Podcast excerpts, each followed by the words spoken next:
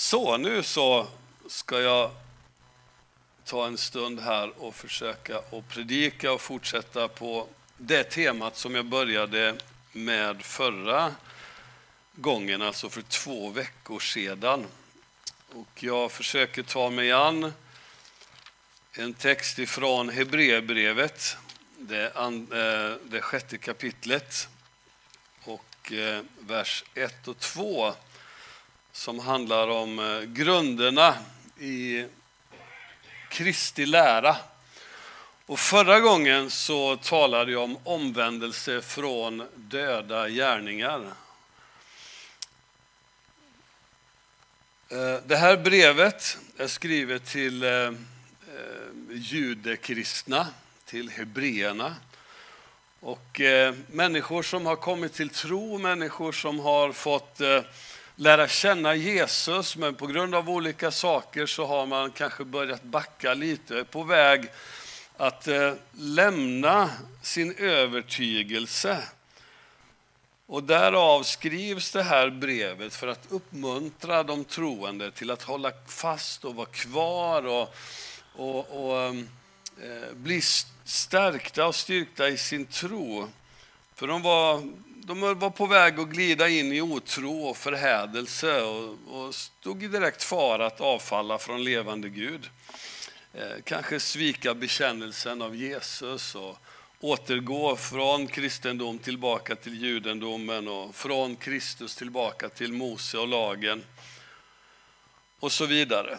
Och då skriver, eh, skrivs det här brevet till, eh, till hebreerna och i det sjätte kapitlet så läser vi så här, jag läser de verserna.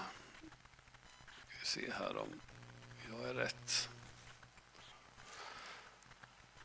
Låt oss därför lämna bakom oss de första grunderna i Kristi lära och föras till fullkomlighet.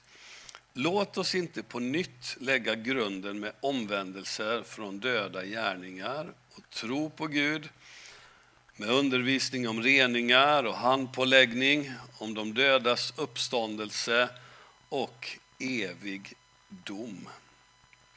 Om jag räknar rätt så är det här i det här brevet och de här verserna sex stycken saker som författaren lyfter upp. Och förra gången så nämnde jag just den första, då, första grunden, omvändelsen från döda gärningar. Och jag eh, sa bland annat att eh, utifrån sett så kan döda gärningar och faktiskt goda gärningar se väldigt lika ut. Det är först när man, vi ser till hjärtat som vi kan se vad de här gärningarna är och hur de är. Och vi behöver kanske ständigt omvända oss till Gud och, och liksom kärnan i vår överlåtelse till honom. Jag vill under några minuter bara gå över här nu och tala om tro på Gud.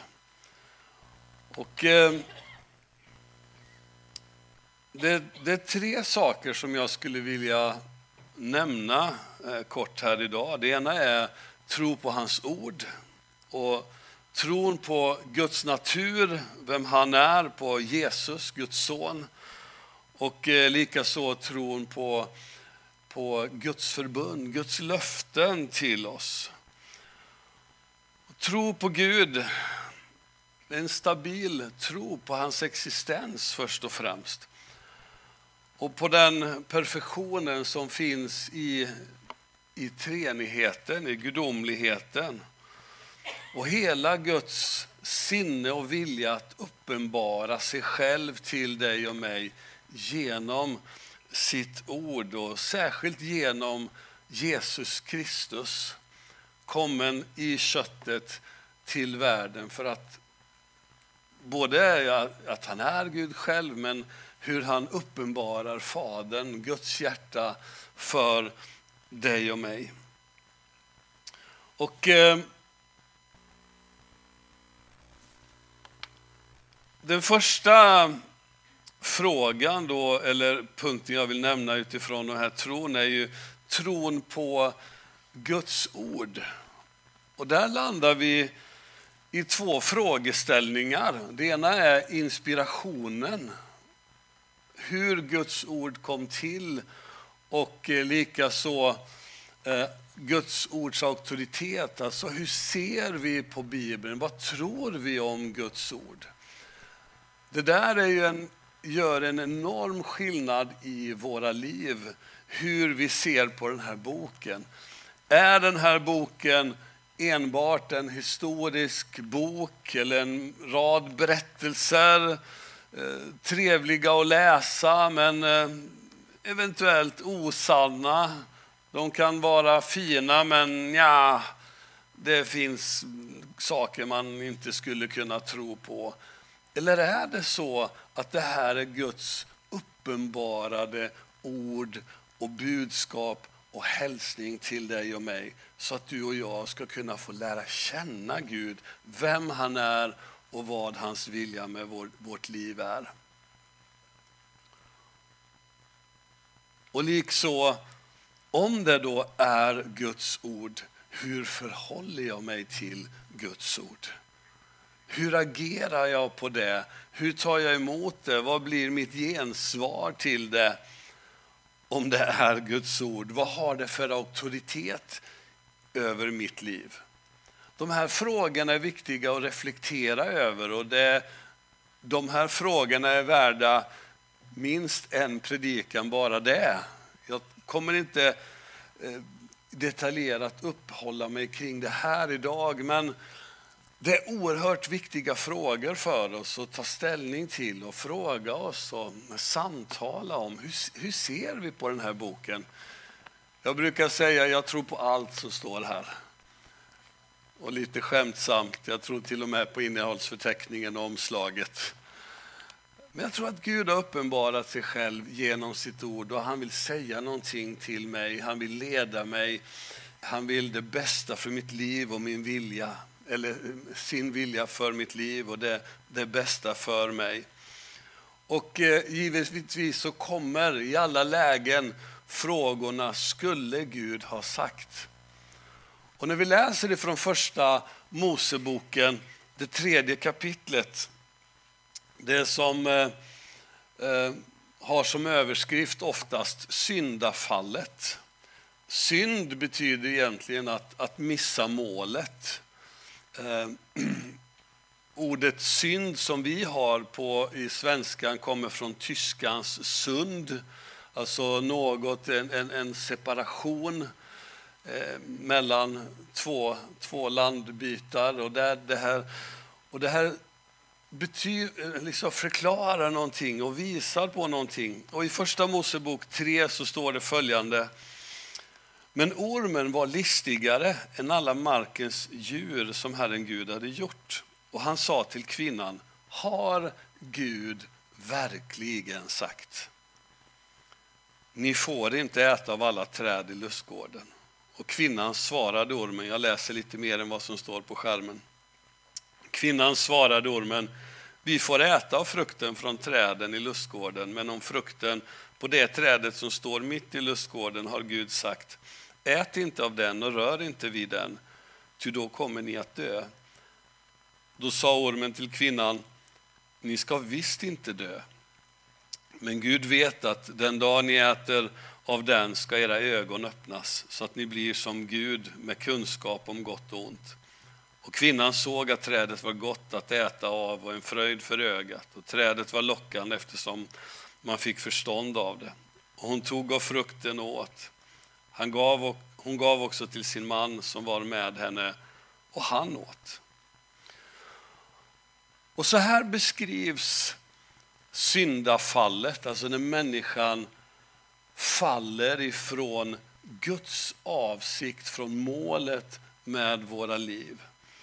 Det här grundproblemet brukar jag säga synden är inte att vi gör en massa dumheter utan det är att vi vill vara våra egna herrar. Att vi vill bestämma själva. Det är nästan som man kan höra kan själv. Jag vill vara själv, jag gör mitt. Ingen behöver styra mitt liv, ingen behöver göra eller bestämma vad jag ska göra eller inte. det här trädet, jag funderar på, jag vet inte om det kan vara så eller inte, men jag tror inte att det var något speciellt träd med någon magisk kraft. Eller några konstigheter i, utan det här trädet som Gud satte där var planterat där för att människan skulle kunna ta ett beslut. Ett helt vanligt träd, ett av alla andra hundratals träd som fanns i den trädgården där första människan enligt Bibelns berättelse hade sitt hem. Enda skillnaden var att Gud utsåg just detta träd till ett eh, prövoträd. Ett träd som skulle visa om människan verkligen ville underkasta eh, sig eller underställa sig Guds vilja och plan eller om människan skulle gå sin egen väg. För Gud har skapat människan till sin avbild i syfte att hon en dag ska bli lik honom i alla avseenden. En varelse med evigt liv, precis som, som han själv har existerat från evighet till evighet.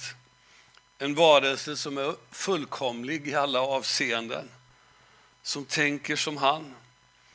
Och Samtidigt så måste Guds avbild, alltså människan, ha en egen fri vilja eftersom Gud har en egen vilja.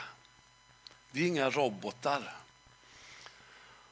Och Det innebär att människan måste helt enkelt bestämma eller vilja vara lik Gud. Vilja följa honom, vilja inta sin plats i helheten och följa de eviga lagarna och den eviga planen som Gud har lagt ner i sin skapelse sedan tidernas begynnelse. Och allt det här måste ju människan välja. Och hon måste vilja låta sig ledas och styras av Guds ande. Och följaktligen måste hon alltså av egen fri vilja fatta beslutet att följa Gud och visa att ingenting skulle ta henne ifrån eh, Guds vilja, Guds plan, Guds lag, Guds framtid. Och Bibeln beskriver hur, hur han ställer människan inför detta. Han hade sagt det till Adam, till mannen i kapitlet innan, om vi läser där. Just de här orden, av alla träd i lustgården må du fritt äta, men av kunskapens träd på gott och ont ska du icke äta, ty när du äter därav ska du döden dö. Jag brukar säga, och säger igen och igen, att död är ju en bild på separation egentligen. Icke-gemenskap. Att inte finnas för varandra längre. Och givetvis är det så att när Gud säger att om du äter av det här trädet, om du väljer att göra din egen grej, då blir det en separation. Och I praktiken så fick det här vara, trädet vara ett klart uttryck för att människan föredrog att lita till sin egen kunskap istället för Guds och föredrog att själv avgöra vad som var rätt och fel, gott och ont. Det verkar ju så enkelt men ändå så komplicerat. Och vi vet hur det gick. Adam och Eva struntade i, i det budet och tog sitt beslut. De tog beslutet att äta den där frukten, tog beslutet att göra som de själva ville. Men det började i det här, den här lilla meningen, skulle Gud ha sagt. Skulle Gud verkligen ha sagt, det menar du väl inte? Han menar väl någonting annat. Och det finns så många berättelser i Bibeln som handlar just om det här, om, om frestelsen och inte minst frestelsen att göra någonting helt annat än det som vi kan förstå är Guds vilja och Guds plan. Och det är väl nästan utan undantag att det blir fel. Att det inte går bra. Att det inte alls blir så som den som blivit frestad tänkte att det skulle bli. Frukten såg god ut. Den där frestelsen såg frestande ut, annars hade det inte varit en frestelse. Och så blir det fel. Och där är en av anledningarna till att jag tror att det är väldigt viktigt att prata om det här också. Och undervisa om och lyfta fram orden ifrån Hebreerbrevet att tron på Gud och enligt min punkt ett här, som kanske blir då den längsta, tron på Guds ord är så viktig.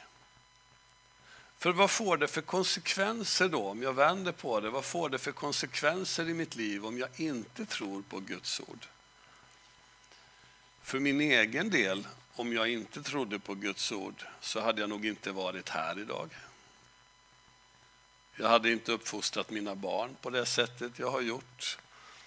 Jag kanske hade tänkt väldigt olika i många olika frågor i mitt liv, gjort många annorlunda val. Men tron på att tron på att Bibeln är Guds ord och att Gud säger någonting till mig och att jag väljer att inrikta mitt liv efter det, det formar hela min världsbild. Allt det jag gör, mina beslut, mina val, dagligen. Och därför är det så viktigt. Vad gör jag? Hur tänker jag? Det andra är tron på,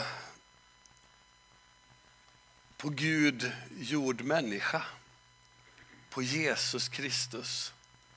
För ett antal år sedan, det var när jag gick på missionsskolan, då eh, hade vi, jag hade varit på praktik i, i, hos eh, Stanley Sjöberg faktiskt.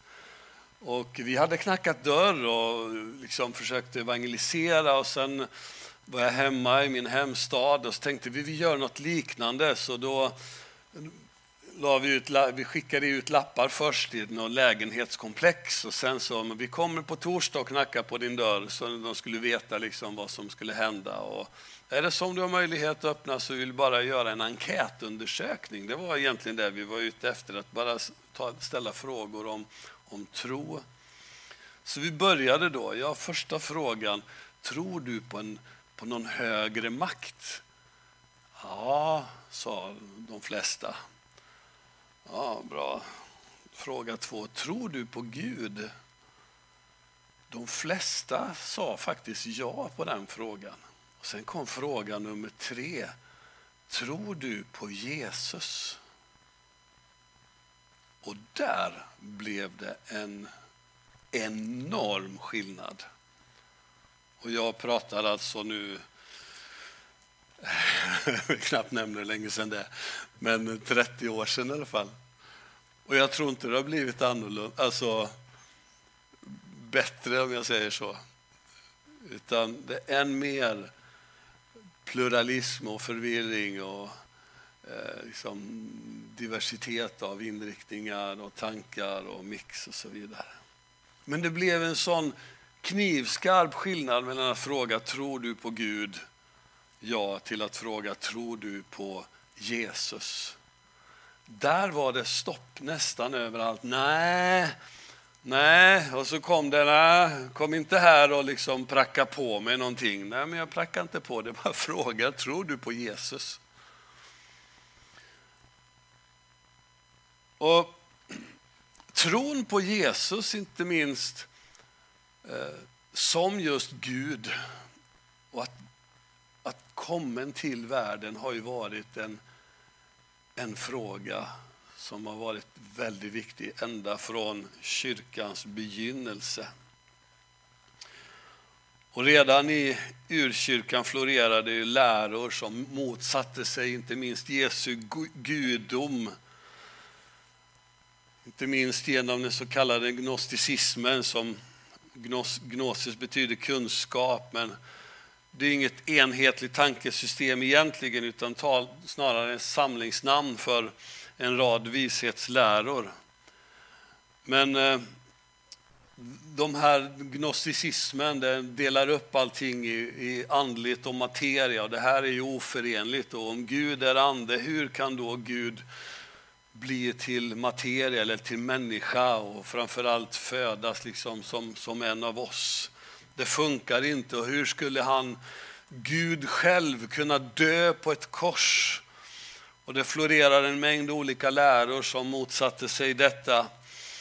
Och då blev ju trosbekännelsen oerhört viktig, den apostoliska trosbekännelsen, för att tala om vad är det kyrkan tror på? Vad är det, vi, vad är det som är viktigt? Jo, vi tror på Gud, Fader, allsmäktig, himmelens och jordens skapare. Vi tror och på Jesus Kristus, smaka på orden, hans enfödde son, vår Herre, vilken är avlad av den helige Ande, född av jungfrun Maria och sen fortsätter trosbekännelsen. Där man slår fast om att vi tror på att Gud har kommit till jorden i mänsklig form i Jesus Kristus. Han föddes, han blev avlad på ett övernaturligt sätt men föddes av en, en kvinna här på jorden. Och de här sakerna blev så oerhört viktiga därför att det är viktigt för oss. Och det finns flera bibelställen, Hebreerbrevet här, det femte kapitlet säger så här, medan han då, Jesus, levde här i vad då? I köttet, så ropade han under tårar när han bad och den som kunde rädda honom från döden och han blev bönhörd och tagen ur sin ångest. Fastän han var son, han lärde sig lydnad genom sitt lidande. Här är väldigt tydligt om att det talar om kropp, det talar om, om det fysiska. I första Johannes brev, ni får säga om inte det stämmer på väggen, jag bara klickar här. Första Johannes brev, fjärde kapitlet, så står det, så känner ni igen Guds ande. Varje ande som bekänner att Jesus är Kristus, som kommit i köttet, han är från Gud. Och varje ande som inte bekänner Jesus, han är inte från Gud. Det är antikrist ande som ni har hört skulle komma och som redan nu är i världen. Och andra Johannes 1.7 säger Ty många bedragare har gått ut i världen och de bekänner inte att Jesus är Kristus som har kommit i köttet. En sådan är bedragaren Antikrist. Och så kan man läsa på olika ställen hur, hur apostlarna genom sina brev skickade liksom till församlingarna. Så här är det. Och det här är många som motsätter sig det. Och Det här blir ju viktigt för oss i många avseenden. Och det får även konsekvenser för vår tro. För är Jesus inte Guds son? Har Jesus inte kommit i köttet? Dog han inte på korset för vår skuld som eh, alltså gjord människa, inkarnerad, Gud gjord kött? Hände inte allt det här? Hur blir det med hur, vad, hur gäller Jesu för, för, ställföreträdande död? Hur blir det med Jesu försoningsverk på korset? Vad innebär det om han inte skulle ha varit född som i mänsklig gestalt här på jorden? Det är många frågor som lyfts och det får konsekvenser för vår, vårt liv. Den tredje punkten jag vill nämna kring tron på Gud, det är tron på hans löften. tron på hans löften och vilja för oss. En vers som vi har läst väldigt mycket här i, i kyrkan är från Jeremia 29.11. Ingalill brukar läsa den ofta. Jag vet väl, säger Herren, vilka tankar jag har för er. Nämligen fridens tankar, inte ofärdens, för att ge er en framtid och ett hopp. Eh, och Guds tankar för, för ditt och mitt liv, de, de är goda. Men vi lever ju i den här kampen, vi lever i den här förgängelsen, vi möter elände, vi möter sjukdomar, vi möter död, vi möter separation, vi möter så många olika saker. Och det, det vill vi inte liksom förneka och sticka huvudet i sanden och säga nej, det existerar inte. Ibland har ju kyrkan generellt sett tenderat i liksom att ja, vi måste ha en segerbekännelse även om det, vi mår skit på insidan, förlåt uttrycket. Men Bibeln duckar ju inte för det som är svårt. I Bibeln hittar vi ju böcker som Jobs bok till exempel, där allting bara blev bedrövelse.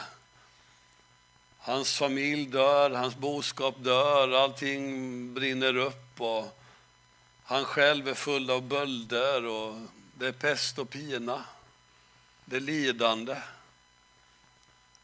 Men Gud kommer honom till mötes. Vi kan läsa många saker. Och Salmisten David, han är ju i sina salmer så finns det vi kan åka eller följa honom i berg och dalbana i hans salmer. Älskar du salmer som är mycket ilska och, och, och, att du vill att dina fiender ska dö, då kan du läsa Davids salmer. Och älskar du salmer som bara upphöjer Gud för den han är och eh, du fylls av tacksamhet, så kan du läsa Davids salmer. Och det finns i Bibeln. Ja. I... Eh,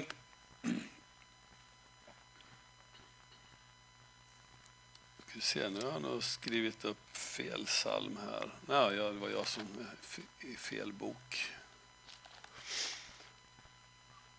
Jag tänkte bara läsa lite kort för dig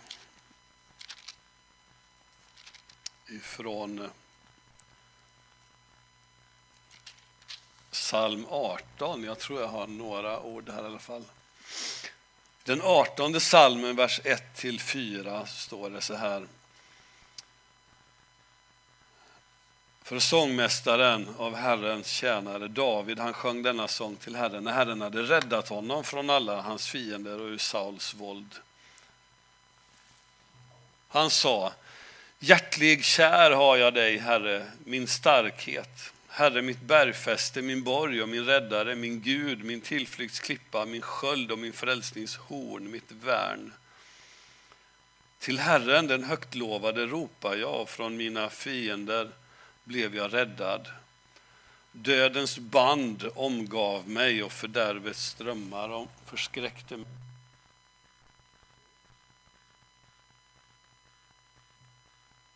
Dödsrikets band omslöt mig och dödens snaror föll över mig. I min nöd åkallade jag Herren, till min Gud ropade jag och från sitt tempel hörde han min röst. Mitt rop till honom nådde hans öron.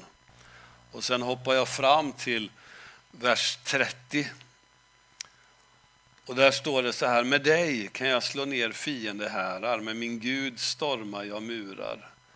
Guds väg är fullkomlig och Herrens tal är rent. Han är en sköld för alla som flyr till honom. Ty vem är Gud förutom Herren? Vem är en klippa utom Gud? Gud, du utrustar mig med kraft och gör min väg fullkomlig. Du gör mina fötter som hindens och ställer mig på mina höjder. Har jag tagit mer där? Något mer där? Så. Jag har ingen koll på vad som står på väggen skulle behöva ha en skärm framför mig också för att slippa vända mig om. Men han skriver, han omgavs av dödens band. Han var mitt i svåra situationer. Han var förföljd tidigare av, av kung Saul och där kan, kan vi läsa salmer om hur svårt det var för honom och allt vad han gick igenom. Helt, helt plötsligt så bara lovprisar han Gud därför att Gud har hjälpt honom. Och den här herdepojken som han tidigare var, han hade tampats med både lejon och björn medan han vaktade fåren. Och någonstans så visste han mitt i svårigheterna vem Gud är. Trots att han kunde befinna sig, som det står i psalm 23, om jag ej vandrar, eller ej, om jag än vandrar, vart då någonstans? I dödsskuggans dal, så säger han, vad då för någonting? Så fruktar jag ej, för din käpp och stav, det tröstar mig. Jag tänker på den här episoden som ofta vi läser om i söndagsskolan men det är en berättelse som finns där också för att stärka dig och mig i tron på Guds löften och vem han är. När David blir sänd till sina bröder som är ute i striden och han får se den här filisteen som hånar den levande guden och som bara svär över Israels Gud och vad, vad, vem, vilka israeliterna är. Och och han liksom hotar dem och hånar dem på alla sätt och vis. Så kliver David fram och han ställer just den här frågan.